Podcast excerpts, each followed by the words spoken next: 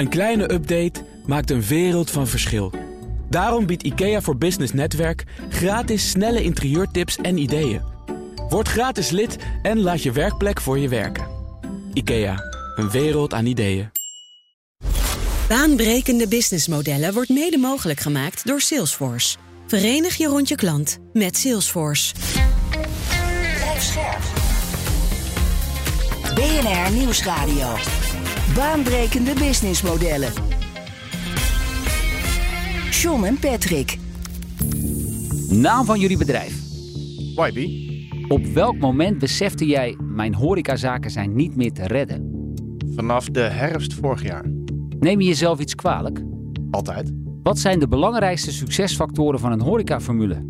Marge, marge, marge. En, beste Wouter, welk probleem wil jij nu gaan oplossen?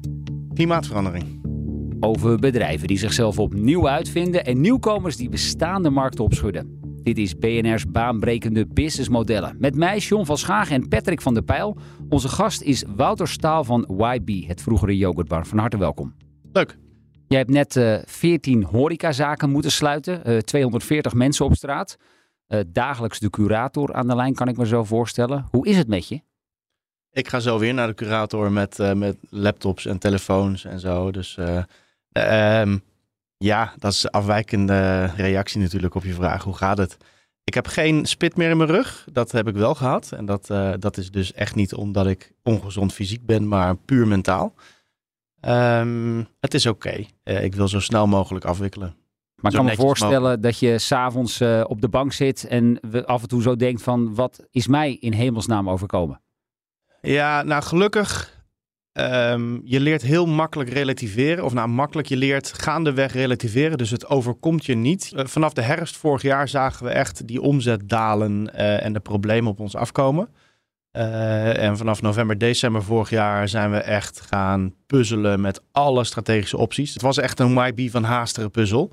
en elke keer viel er weer een stukje van de tafel en dan moest je weer een nieuw, nieuwe puzzel gaan schetsen. En um, als dit allemaal in een week tijd zich had ontplooid, dan was ik helemaal gillend trek geworden. En omdat je went aan elke situatie en elke keer kleine tegenvallers moet incasseren, uh, ja, kun, kun je het handelen. Zullen we met jou even terug naar, uh, nou ja, laten we zeggen het jaar 2019, begin 2020. Wat was Yogurt Barn toen voor een bedrijf? Voor de mensen die het niet kennen. Ja, Yogurt Barn was een bedrijf waar we uh, biologische yoghurt de basis hebben gemaakt om uh, gezellig lekker te eten voor ontbijt, lunch, tussendoortje. Uh, en dan wat... yoghurt met toppings, hè? Yoghurt met toppings, high teas, gebaseerd op yoghurt en meer, maar ook brunch, hele goede koffie. gewoon een lunchzaak waar yoghurt de basis was. Ook smoothies daarmee, met allerlei verschillende soorten yoghurt. Ook plantaardig al. Maar we waren een horecazaak geënt op yoghurt. Um, en deden dat financieel prima. qua omzet middenmoot voor een daghoreca. Qua rendement uh, denk ik aan de bovenkant, dat deden we gewoon goed. Uh, en Q1 2020 hebben we zelfs 17% hoger like-for-like like gescoord dan uh, het jaar daarvoor. Dus het, het zat mee, we konden gaan bouwen en dat was dan ook het plan. Patrick, wel eens geweest? Inderdaad, en dan vraag je ook af van, hey, hoe loopt de zaak, hoe werkt het? Dat is altijd mijn fascinatie. Um, Wouter wel buitengewoon veel respect dat je hier aan tafel wilt komen zitten om dit verhaal ook te delen. Want het is wel de nachtmerrie van een ondernemer. En natuurlijk lijkt het allemaal rooskleurig en dat het in een baan omhoog gaat. Maar je ziet dat ook uh, uh, dalen zijn. Um, dus ja, ik ben er wel eens geweest en um, ik zag ook zeg maar, dat die verschuiving was, ging naar die meer plantaardige ingrediënten.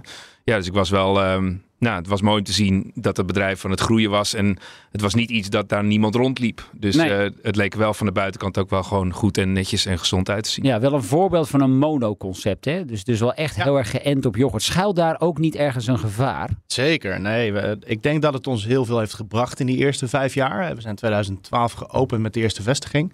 En toen zag je een ei en een, uh, een sla en, en allerlei verschillende monoconcepten. Avocado. Uh, Avocado, die kwam ja. wat later. Uh, en daar schuilt een, een kracht, maar ook een risico in. Want als er iets gebeurt met die avocado of met zuivel of met ei of met wat dan ook. Uh, ik ben blij dat je nu geen ei-concept hebt, bij wijze van. Ja. Want en die zijn schaars en heel duur, dus ga er maar aan staan.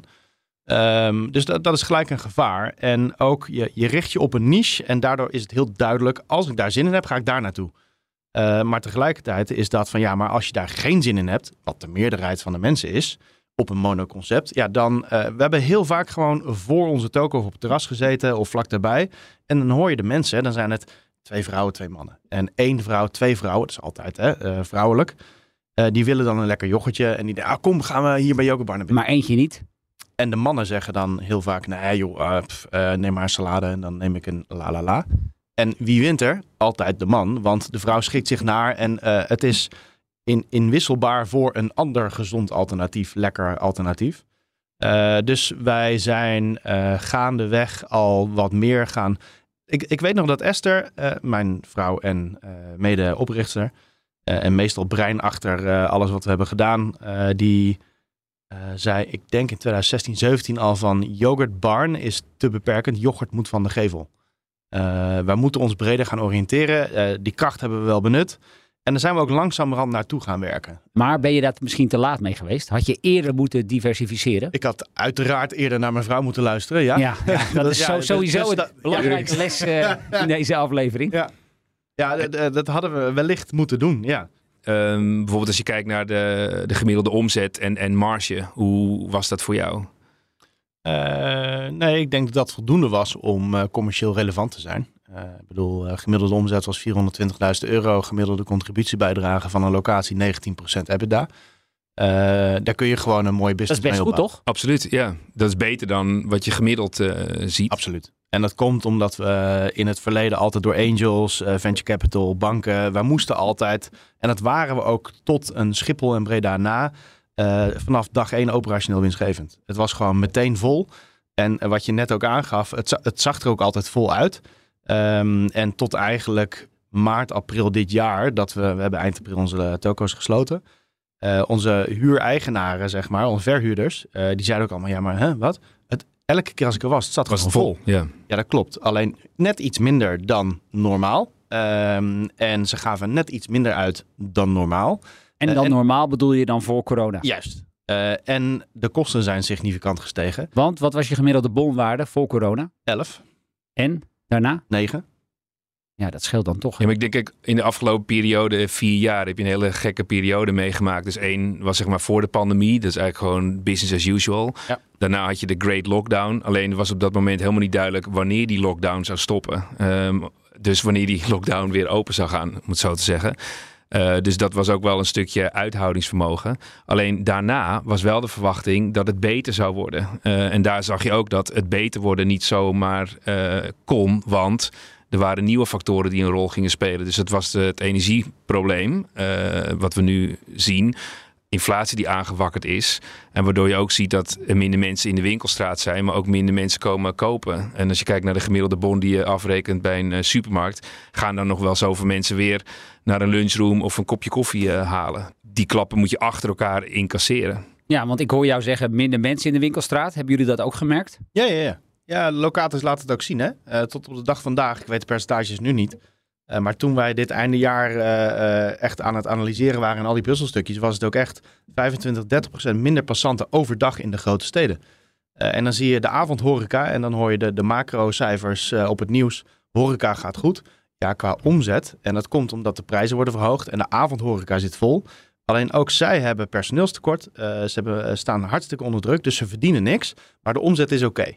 Dus die kunnen break-even draaien, maar die moeten ook gaan terugbetalen. Dus daar kunnen ze regelingen treffen. Maar de avondhoreca gaat als laatste moeilijk krijgen. Maar de daghoreca, vanwege al deze factoren die we nu bespreken, ligt nu volledig aan het infuus. Als er geen corona was geweest, dan had je gewoon een uh, hartstikke gezond bedrijf met een goede propositie. En natuurlijk had je dat kunnen uitbreiden of diversificeren. Maar daar, waren, daar was ruimte in Nederland om nog meer van dat soort vestigingen. En in het buitenland. Ik bedoel, uh, we zijn met de Autogrill heel lang in gesprek geweest. In Brussel is er daar eentje uh, van ons in, in franchise. We waren met andere partijen voor Scandinavië Engeland bezig. De, de, de, intentieverklaringen liggen, heb ik nog in mijn mail. Um, alleen ja, door corona ook investeren in local brands, internationaal brengen, ja, vergeet het. Dus nee, de, we hebben allerlei groeipaden gekend. En uiteindelijk door corona zijn we allerlei plannen die we hadden naar voren gaan halen. En ook weer gaan diversificeren vanaf, hey, we hebben een uniek eh, domein. Eh, we hebben anderhalf miljoen gasten per jaar. Die strategische onrust naar nog meer vestigingen. Hè, laat die, want daar heb je gewoon heel veel capex voor nodig. Elke nieuwe locatie voor een daghoreca is 2,5, 3 ton. Even capex uitleggen. Eh, initiële investering. Dus eh, eh, investering in je keuken, in, je, in de verbouwing. En dat, dat moet je. Wij hebben het niet op de planken liggen. Dus dat moet je dan financieren door of externe financiers, angels, venture capital, via aandelen. of via de bank. En bij ons was het altijd een constructie daarvan. Maar dan moet je wel weer terugbetalen. Ehm, dus dan ga je uiteindelijk die, die drie ton, zeg maar. Ja, we, we hadden er 14, dus dan kun je uitrekenen. Dan heb je gewoon een hele hoge aflossingsdruk. Dus die 19% EBITDA is heel leuk. Maar netto netto op, op eh EBIT niveau bleef er heel weinig over. Omdat je continu weer moest terugbetalen. Dus dan word je ook gedwongen om eh, anders na te gaan denken over groei. Als je kijkt naar eh, Nederland en vergelijkbare concepten, ehm, kun je inzicht geven in hoe jullie ernaar gekeken hebben als je wel of niet een keuken hebt of wat gemiddelde omzetten zijn van ehm, andere concepten. Ja, ik zal niet eh, het boekje open doen van onze, onze bevriende eh, andere ketens. Maar je ziet dat er concepten zijn die vooral op koffie geënt zijn. En die draaien een iets lagere omzet. Maar die, hebben, die zijn efficiënter in personeel. We hebben bewust nooit voor een keuken gekozen. Omdat je dan ook nog eens eh twee, één, twee, drie man extra neer moet zetten. Ja. Daarmee kun je een veel hogere omzet draaien. Maar je personeelskosten en de beschikbaarheid van personeel de afgelopen jaren is daarmee een hele belangrijke factor. Uh, en bij dat soort concepten zit je al heel snel op 40% uh, personeelskosten. Uh, en dan draai je 6, 7 ton. Dan, hè, dan met uitschieters naar boven toe. Dan, dan kun je een. Dat is een model. Maar hoeveel hou je dan gemiddeld over? Ja, dat is afhankelijk ook hoe groot je overhead is. Maar kijk naar een puur een single locatie. Waarbij je een, wel een manager hebt. En je hebt, zeg, die, die, die 7 ton. Dan heb je 40% uh, heb je aan personeelskosten. Uh, vroeger was het 10% locatiekosten. Reken maar 15. Ja, nu met alle kosten, servicekosten, afval, energie. Uh, dus dan zit je al bij elkaar op 55. Je inkoop, uh, ga er maar aan staan. Dat is inmiddels echt geen 2, 3, 24% meer. Uh, als, wij zaten op 27. Dat hebben we zo kunnen houden. Maar dat doe je het goed. Um, dus reken maar 30. Dus dat is uh, nou, 85. 80. Dan heb je nog overige kosten. Uh, de, en, maar je hebt nog maar 15% speling. Hè? Uh, dus van, dat, zo heb ik mijn teams ook wel eens uitgelegd. Voor elke euro die je binnenkomt. En dan ga je die percentages doen. Maar dan in centen. Dan wordt het heel tastbaar. Heb je 15 cent speling. Waar je nog klap op moet vangen. Ja, maar de, de, dan heb je ook nog kosten. Hè? Ja, ja, ja. Dus dan heb je nog je, je marketing. Eventueel, nou, nou, ja, de, internet, uh, telefonie. Er zitten nog heel veel kleine postjes administratie. Dus dan hou je een paar procent over. En daar moet je dan je reserves of afschrijving mee doen. Ja, dat is heel of weinig. aflossing. Ja, nee, nee, dus horeca wordt geromantiseerd. Maar het is keihard werken. Hè? Voor ons was horeca was een middel om ergens te komen. En wat dat, midden, wat dat doel uiteindelijk was, uh, in het begin was dat we willen biologische zuivel de standaard maken. was echt intrinsieke motivatie om voor dierenleed om daarbij uh, voor op te komen. En uiteindelijk werd dat steeds scherper naar wij willen uh, meer geven dan nemen in alles wat we doen. Uh, mens, dier en klimaat. En, en dat werd uiteindelijk het doel. En horeca werd steeds meer een middel. De lange termijn plan was ook om minder locaties te hebben, maar die heel goed te doen. Waarbij break-even zou draaien met meer mensen, betere bediening, betere service. Ja, maar eigenlijk is het wel jammer, hè? want we hebben ook gesproken over de cafés laatst. Eigenlijk zie je het hele straatbeeld dan veranderen, omdat het zo moeilijk is om dit soort concepten in de lucht te houden. BNR Nieuwsradio. Baanbrekende businessmodellen. Met deze keer het verhaal over YB, het vroegere yoghurtbarn. Zometeen meer, maar nu eerst weer een ander businessmodel in de spotlights. En dat doen we deze keer met John Lin. Hij is China-deskundige. En hij wil het hebben over powerbanks. Iedereen heeft waarschijnlijk wel een powerbank thuis liggen in een la die ligt te verstoffen. En dat is eigenlijk best wel zonde van de grondstoffen die erin gaan. En het interessante is, in China kan jij overal op straat powerbanks huren tegen ongeveer 10 cent per uur.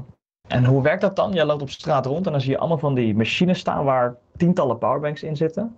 En jij scant met je Alipay of je WeChat Pay, dus een Chinese betaalmethode, een QR-code op dat apparaat. En dan spuugt hij een powerbank uit. Die leen je voor, voor die 10 cent per uur. Laat je telefoon op. En ergens een stukje verderop stop je hem weer terug in zo'n machine. En dat is feitelijk een mooi voorbeeld dus van een circulaire economie. Zo'n powerbank heb je dus niet zelf en ligt dus ook niet grote delen van je tijd te verstoffen in een la. Je liest er gewoon eentje. Alleen, ik weet niet hoe het bij jou thuis is, maar mijn telefoon ligt meestal s'avonds of s'nachts op de lader. En dan red ik het eigenlijk de dag erop wel. Ja, en dat is het verschil in China, omdat je alles daar op je telefoon doet. De gemiddelde accu haalt de dag niet. Uh, dus jij kan dan op straat een powerbank huren. Het lijkt een beetje op die deelfietsen en deelscooters die je tegenwoordig ziet, maar dan met powerbanks. En het grappige is, die bedrijven die dat daar doen, die hebben geprobeerd ook in Europa dit businessmodel neer te leggen. En dat hebben ze dan in Londen, Parijs en Amsterdam geprobeerd in de drukke steden waar je een grote, goede dichtheid kan halen van die powerbank verhuurmachines. Uh, en dat liep hier eigenlijk helemaal niet. Want ze kwamen erachter, hey, die Europeanen, als ze uit eten gaan met elkaar, dan praten ze daadwerkelijk met elkaar. Dus die telefoon wordt niet gebruikt. Ja, dat is een interessant cultureel verschil. In China is dat heel anders. Nou, nog even de markt daar schetsen. Er zijn volgens John Lin verschillende partijen en die proberen nu allemaal de grootste te worden in dit segment. Uh, met allemaal met het idee om te racen naar een beursgang. Uh, om te kunnen claimen dat ze marktleider zijn. Dus je ziet, als je bijvoorbeeld in een drukke winkelcentrum komt, dan zie je drie, vier verschillende van die machines staan met verschillende merken waar je zo'n powerbank kan huren. Uh, en dat is soms onhandig, maar omdat ze op zoveel plekken staan, kom je er altijd wel eentje tegen waar je weer terug kan stoppen. China-deskundige John Lin was dat. Wij praten verder met Wouter Staal van YB. Uh, opvallend genoeg betekent het faillissement van zijn horecatak niet het einde van zijn merk. Want Wouter, begrijp ik het goed als ik zeg dat de rechten daarvan nog steeds in jouw handen zijn? Ja, die rechten liggen uh, onder pandakte bij de ING. Uh, alleen voor iedereen is het duidelijk, uh, merknaam zonder mij is niks waard. Ik ben een merknaam. En daar heb ik ook heel lang over getwist van we, moeten dat loslaten en het merk moet op zichzelf gaan staan. En nu ben ik heel blij dat het zo is. Um, en wij hebben ons in de afgelopen jaren eigenlijk sinds corona, sinds dat hele goede kwartaal en toen die lockdown, uh, zijn we ons sterker gaan positioneren uh, in dat meer geven uh, dan nemen. Een volledig plantaardig aanbod. Plantaardig aanbod, B Corp, klimaatpositief. En dat allemaal bij elkaar merk je ook met de huidige discussies over biodiversiteit, natuur, wetgeving, CSRD, noem het maar op. Heel veel bedrijven, en dat is ook bij onze strategische puzzelstukjes aan de orde gekomen bij overnamegesprekken. Jullie zijn de strategie die wij over vijf à tien jaar moeten zijn. Dus alles wat jij hebt gedaan en wat, wat je hebt geleerd, wat alle consultancies nu gaan toevoegen uh, aan ESG-reporting. Uh, uh, ik heb dat als een van de weinigen in de praktijk gedaan. En ik ken de theorie en daar is gewoon heel veel vraag naar. Mensen moeten volgend jaar iets gaan rapporteren. Als je meer dan 40 miljoen omzet draait. Nou, dat zijn heel veel bedrijven. Um, ga er maar aan staan. Heel veel bedrijven geven een claim naar klimaatneutraal. Oké, okay, leuk. Hoeveel omzet draaien? Uh, hè, bijvoorbeeld 100 miljoen. Oké, okay, klimaatneutraal. Dat betekent niet dat je gaat reduceren naar nul, want dat is onmogelijk. Ze gaan compenseren. Ze gaan compenseren. Gemiddeld genomen voor een voedbedrijf is dat 1% van je omzet. Omdat je veel vlees doet en gemiddeld 25 euro per ton CO2. Dus 1 miljoen is 1%, 1 van je budget. Dat hebben ze echt niet meegenomen in hun uh, prognoses en, en budgettering financiële plannen voor volgend jaar. En dat moet je dan elk jaar gaan afdragen. Maar wanneer uh, ik bij zo'n bedrijf aan tafel zit, en uh, dat zijn heel veel verschillende bedrijven, uh, en je, ze hebben een MVO-plan ergens liggen, ik chargeer, maar er staat een doel wat dan een keer is ondertekend. en dat is fluffy bomen planten. Ja, dat gaan we doen. Klimaatneutraal klinkt mooi. Wanneer je het dan financieel maakt, dan wordt het core business. Dan gaat het van MVO, stafafdeling, gaat het naar de CFO, gaat naar de CEO. En dan denk je, ja, 1% van mijn omzet ik kan beter gaan reduceren zodat ik minder geld hoef te besteden aan compensatie. En dan zit je aan tafel. En dan wordt het serious business. Ja, wat dan mogelijk is dat je als uh, YB dan uh, producten kunt verkopen, zodat zij de boxjes kunnen tikken als het gaat over die doelstellingen. Ja, want hoe gaat dat dan in de praktijk? Want ja. wat ik al zei, hè, jullie hebben die producten, allerlei plantaardige uh, yoghurts, croissants en dergelijke, en die ga je nu op een andere manier wegzetten. Ja, we hebben, uh, ik, ik heb mijn, uh, uh, mijn persoonlijke kennis en ik heb nu geen inkomen meer. Hè? Dus ik, ik moet gaan interimmen, ik moet advisory klussen gaan aanpakken met deze kracht die we hebben opgedaan. en dat lukt, dat lukt heel goed. echter, dat zijn allemaal bedrijven in food en wij hebben oplossingen ook daarvoor. bijvoorbeeld, een grote bekende retailer heeft aangegeven in 2030 45% uh, reductie te willen in scope 3. Dat betekent de toeleveringsketen. Dan moet je anders gaan inkopen, moet je je disciplines anders gaan inrichten. Wij hebben producten die Uh, ook door lifecycle analysis, dus hele analyse van waar komt het vandaan, uh, hoe wordt het getransporteerd, hoe wordt het verwerkt. Ten opzichte van de dierlijke varianten is 33% gemiddeld genomen reductie in broeikasgassen. Um, dan kan dat eventueel 2, 3 cent per croissantje duurder zijn. Even croissantje als voorbeeld. Alleen je hoeft niet meer te compenseren. Je reductie, wat ik net aangaf over die 1 miljoen compensatie, gaat dan investeren in reductie. Dat wordt dan ineens interessant. Alleen de mindset van dit soort bedrijven is nog niet zo ver.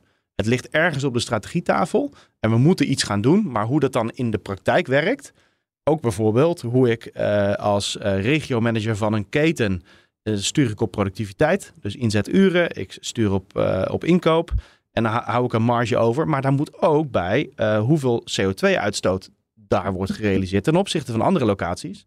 Dat is een dat, die transitie duurt heel lang. Je had het net over een merk nog, want mag je dan YB of volgens de curator nog voeren? Uh, en kun je dan daaronder ook die adviesdiensten of uiteindelijk misschien ook wel weer producten gaan aanbieden? Ja, uh, hij ligt gelukkig niet bij de curator. Hij ligt echt uh, pandrecht bij de ING. Dus ING heeft die merkrecht momenteel. Um, en de, de producten die we nu verkopen, dat, dat is allemaal B2B. dus we hebben een croissantje gaan niet branden. en onze patisserie en carrot cake brownie, bananenbrood, whatever, die, die hoef je niet te branden. We zijn met een grote plantaardige zuivelaar zijn we bezig om juist voor het foodservice kanaal, uh, ook vanwege de subwetgeving over uh, de, de toegevoegde prijzen voor een, een to-go verpakking, om juist naar grote emmers te gaan. Uh, wel onder YB brand. dus daar liggen ontzettend veel mogelijkheden om uiteindelijk de impact te versnellen. Middels ons merk, middels onze kennis bij andere bedrijven. Ja, want je ziet dus, de horeca hebben jullie afgestoten. Nou, dat, is, dat verhaal hebben we net gehoord. nu richt je je met name dus op de, de groothandelaren, de, de retail, maar ook hotels, cateraars en dergelijke. Jullie worden binnenkort ook actief op de Wageningen Universiteit. Ja, wij kregen een heerlijk belletje van Kompas groep, een van de werelds grootste cateraars. En die hebben de Wageningen Universiteit gewonnen. Um, en daar zitten wij in met een volledig restaurant, koffiebedrijf, zeg maar. En dat wordt helemaal YB branded. Um, waar wij, en Wageningen is daar perfect voor, om daar het menselijke aspect, dus diversiteit, inclusie, om daar het dierenwelzijn, plantaardig en klimaat, om het, die verhalen daar te gaan vertellen, all the way. met koffie als basis, onze patisserieproducten, onze bake-off producten, een aantal yoghurt bowls, plantaardig, smoothies, juices. Maar makkelijk, beperkt. Maar vooral op die beleving en het verhaal om mensen te triggeren naar beweging.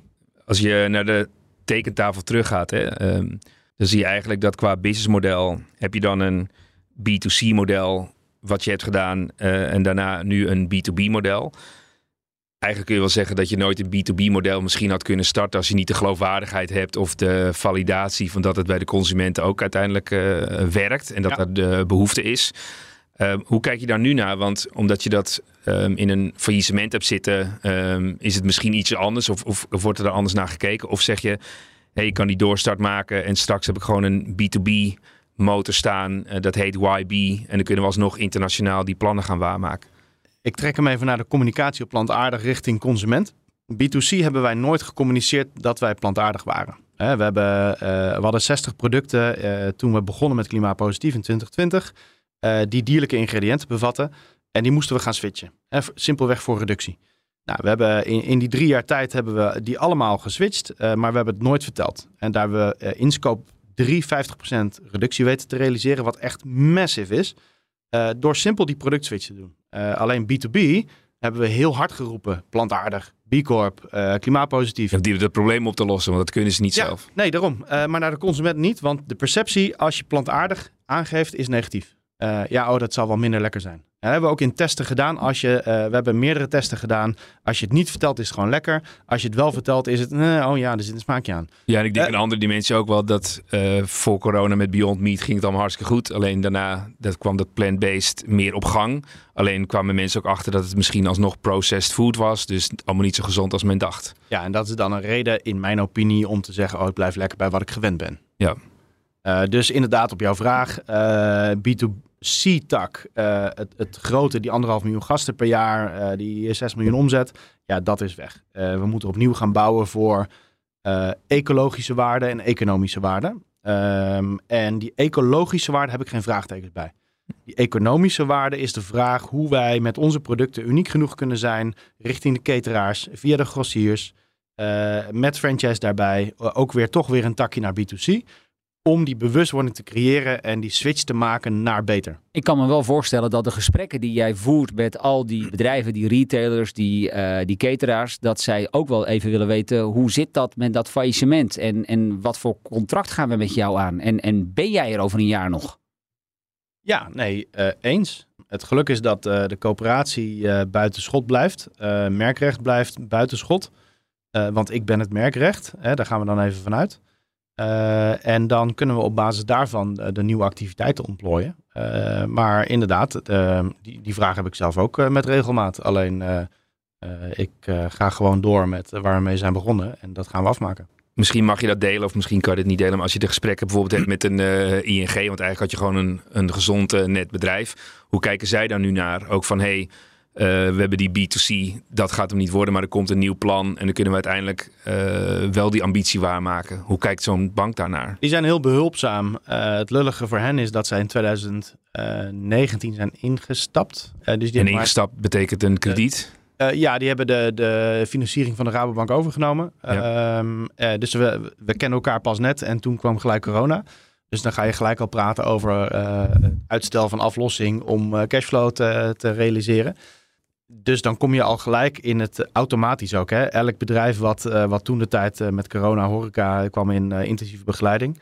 Alleen die zijn heel behulpzaam en meedenkend van ja, als ik het nu laat klappen, dan is die, die, die, wat ik heb uitstaan, is gewoon weg. en nu is het zoveel mogelijk comfort bieden in, we hebben een aantal grote deals die eraan gaan komen. met grote retailers, ook internationaal.